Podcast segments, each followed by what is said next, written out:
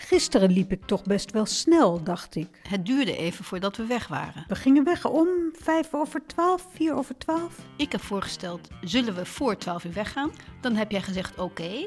En dan de volgende stap is dat je zit te traineren, zodat we dat niet halen. Ik was alleen maar bezig met het zo te krijgen dat ik goed zou lopen. Een tapeje hier en een eh, vetertje daar en een schoentje zus.